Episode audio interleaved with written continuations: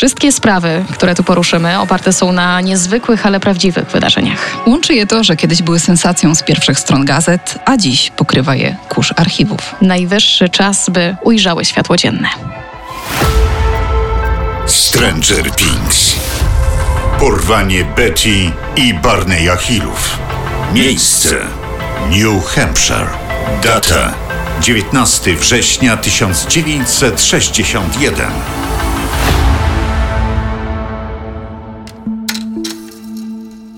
Dnia listonosz Barney Hill wraz z pracującą w pomocy społecznej żoną Betty wracali z malowniczej podróży poślubnej. Widzieli m.in. wodospad Niagara i zwiedzili Montreal. Nie spodziewali się jednak, że największa atrakcja wyjazdu będzie ich czekała w drodze powrotnej do domu w Portsmouth w stanie New Hampshire. W lesie White Mountain National Forest Betty zauważyła jasne światło na niebie.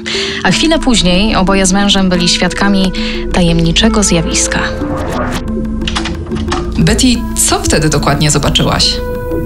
To było jak spadająca gwiazda, tyle że poruszało się ku górze, a po chwili zaczęło chaotycznie krążyć po niebie. Poprosiłam Barneya, żeby zatrzymał wóz. Chciałam zobaczyć, co to jest. Zaparkowałem na znanej piknikowej polanie koło Twin Mountain. W tym czasie światło na niebie zrobiło się znacznie większe, a Betty wyciągnęła z naszego bagażnika lornetkę. Baliście się? Wtedy jeszcze nie, ale obiekt na niebie był bardzo dziwny. Był srebrny, płaski i migał kolorowymi światłami. Początkowo byłem przekonany, że to samolot z Montrealu do Vermontu, ale po chwili zmieniłem zdanie, gdy obiekt szybko ruszył w naszym kierunku. Pobiegliśmy z powrotem do auta i ruszyłem z kopyta. To coś, co zobaczyliście, ścigało was? Tak, Barney jechał najszybciej jak się dało, ale światło leciało za nami i było coraz bliżej. Byliśmy sami na drodze. W pewnym momencie obiekt był tak blisko, że wydawało mi się, że wyląduje tuż przed moją maską. Dałem po hamulcach. Ze statku wyglądały szare istoty. Było ich tak jakoś osiem, może więcej, nie więcej niż jedenaście. A potem usłyszeliśmy taki dziwny dźwięk, po którym nie pamiętamy już nic. To jak znaleźliście się w domu? Nie wiemy. Gdy byliśmy przed domem, zgubiliśmy gdzieś kilka godzin. Nasze ubrania były podarte, a zegarki stanęły na godzinie, w której usłyszeliśmy to bzyczenie wydostające się z obiektu. Ta historia może wydawać się nieprawdopodobna, ale Hillowie są szanowani wśród sąsiadów. Udzielają się społecznie, są zaangażowanymi członkami pobliskiej parafii Unitarian. Na początku małżeństwo próbowało sobie racjonalnie wytłumaczyć zdarzenie, jednak spotkali się z czymś, co nie zdarza się codziennie. Widzieli dowód na istnienie obcej cywilizacji.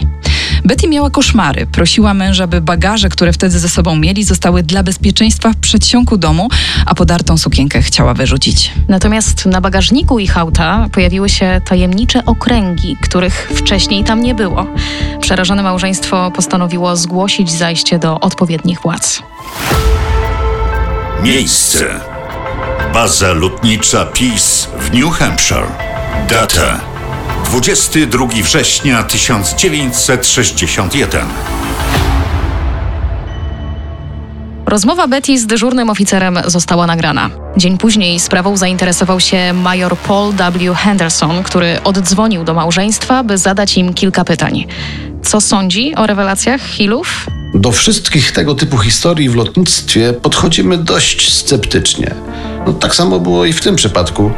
W moim pierwszym raporcie napisałem, że prawdopodobnie zmyliło ich jasne światło Jowisza. A czemu nie ma tego teraz w raportach? Po namowie przełożonych zmieniłem zapis na optyczną iluzję, na temat której mamy niewystarczająco danych, by zidentyfikować się ze stuprocentową pewnością. Raport majora Hendersona został przekazany do tak zwanego projektu Blue Book, który w latach 1952-1970 zajmował się sprawami niezidentyfikowanych obiektów latających. Tymczasem Betty dręczyły koszmary. Próbując się z nimi uporać, zaczęła prowadzić dziennik, w którym spisywała swoje sny. Nigdy nie zapamiętuję snów, poza tymi o kosmitach. W jednym z koszmarów na naszej drodze staje blokada, za którą ląduje statek. Dookoła jest jakieś pięć istot, otaczają nasz samochód i wtedy się budzę. W innym śnie idziemy z tymi istotami przez las, wydają się całkiem ludzkie, mają ciemne włosy, oczy, szarą skórę, błękitne wargi, wydatne nosy. Noszą niebieskie mundury z czapkami, trochę tak jak nasze wojsko.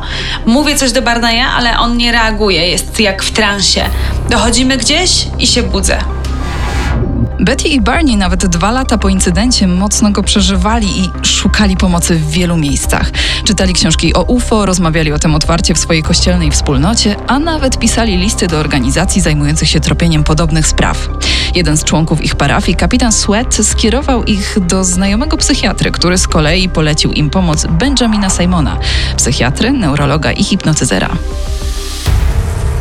Miejsce. Gabinet Benjamina Simona w Bostonie. Data 6 czerwca 1964. Jakie było jego zdanie na temat historii Hillów?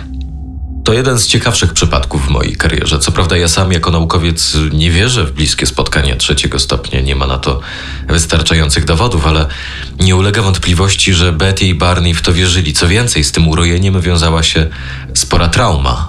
A jak przebiegały sesje z małżeństwem? Spotykaliśmy się przez jakieś pół roku, od stycznia do czerwca. Zapraszałem ich do gabinetu pojedynczo i wprowadzałem w stan hipnozy. W transie opowiadali mi o tym, co się stało, a gdy ich wybudzałem, o wszystkim zapominali. Te opowieści były zaskakująco spójne. Barney opowiadał o serii testów, jakie obcy mieli na nim przeprowadzać, jak na przykład liczenie kręgów, e, pobranie próbki spermy. Betty natomiast opisywała mi również rozmowy z przywódcą kosmitów. Co ciekawe, Betty rozumiała ich, jakby mówili po angielsku, a Barney słyszał tylko niewyraźne mamrotanie. A co ciekawe jeszcze, Barney podchodził do całej tej sprawy znacznie spokojniej. Jego żona natomiast często wpadała w silne emocje i musiałem przerywać seanse. Barney zmarł na udar mózgu w 1969. Po jego śmierci Betty stała się sławą w kręgach ufologicznych.